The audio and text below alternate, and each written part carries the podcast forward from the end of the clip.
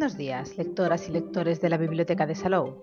Os encontráis en el espacio Bibliosalou Radio, los podcasts bibliotecarios que os informan diariamente y vía radio de las novedades bibliográficas de la Biblioteca de Salou.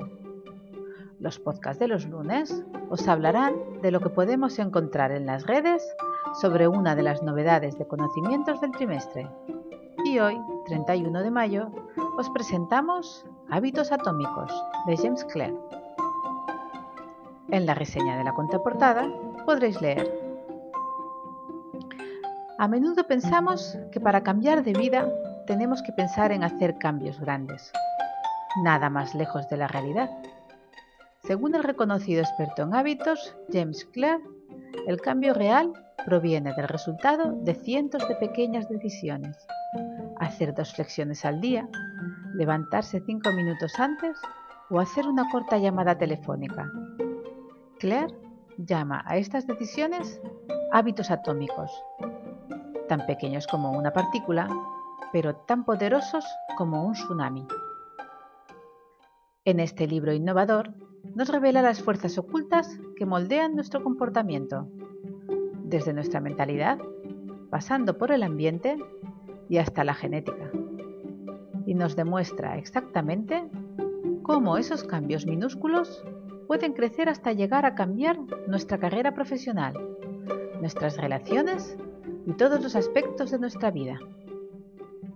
No importa cuáles sean tus objetivos, con este libro aprenderás a darte tiempo para desarrollar nuevos hábitos, a superar la falta de motivación y fuerza de voluntad, a diseñar un ambiente que te facilite alcanzar el éxito y a regresar a buen camino cuando te hayas desviado un poco.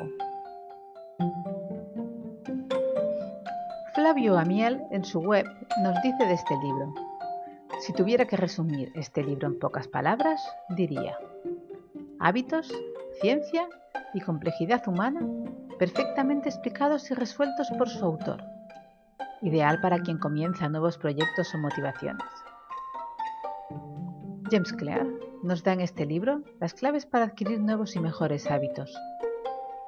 Las cuatro leyes del cambio de conducta son un sencillo conjunto de reglas que podemos utilizar para construir mejores hábitos. Hacerlo evidente. Toma medidas para hacerlo inevitable. ¿Quieres comer más fruta? Ponte una pieza en tu bolsa con tu desayuno o comida. Hacerlo atractivo.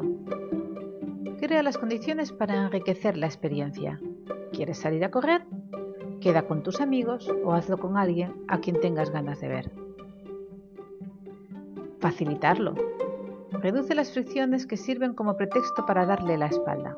Una alarma como recordatorio que debes meditar. Hacerlo satisfactorio. Crea un añadido que te invite a volverlo a hacer. Un sabroso bocadillo después de hacer deporte o un buen café después de una tarea exigente. Siempre insistimos que un hábito es un comportamiento que se convierte en automático a través de la repetición. Es más que eso. Su propósito final es resolver problemas de la vida diaria con la menor cantidad y energía posible. Encadena tus hábitos la mejor forma de poner en marcha un nuevo hábito es llevarlo a cabo después de algo que hagas cada día, después de levantarte, después de desayunar o de otro hábito ya asimilado. ¿Quieres leer un poco más? Pues ¿qué tal hacerlo después de cenar? Otra opción es agruparla con alguna otra que te apetezca hacer para convertirla en irresistible. ¿No te apetece nada limpiar la cocina? ¿Qué tal si lo compaginas escuchando tus canciones favoritas? El autor James Clear, nacido y criado en Hamilton, Ohio, es un empresario cuyo trabajo se centra en formar a la gente para que adquiera hábitos de larga duración, conocimiento que queda reflejado en su libro de autoayuda Hábitos Atómicos. Estudió biomecánica en Denison y tras graduarse, decidió que escribiría para ayudar a los demás en la consecución de una vida más plena. Sus textos, basados en los estudios de ciencias como la biología, la neurociencia, la psicología o la filosofía, exploran cómo crear buenos hábitos y tomar decisiones adecuadas para mejorar la calidad de vida. Clark ofrece un curso online, Habits Academy, en su página web, donde recibe millones de visitas mensuales. También imparte conferencias en universidades, además de ejercer como consultor para diferentes empresas y ser orador de Fortune 400.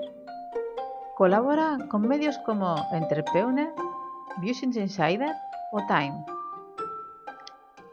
Este es su primer libro traducido al castellano y lo podréis encontrar entre las novedades trimestrales de la biblioteca.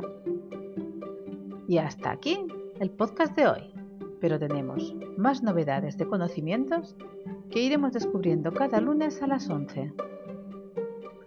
Que tengáis muy buen día y muy buenas lecturas que os acompañen en el día a día.